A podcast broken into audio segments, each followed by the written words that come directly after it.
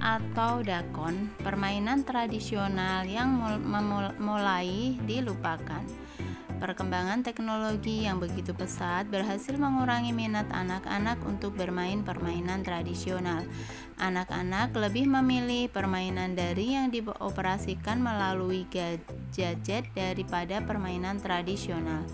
Sangat disayangkan, permainan tradisional yang memiliki nilai serta manfaat positif bagi kehidupan dan perkembangan anak.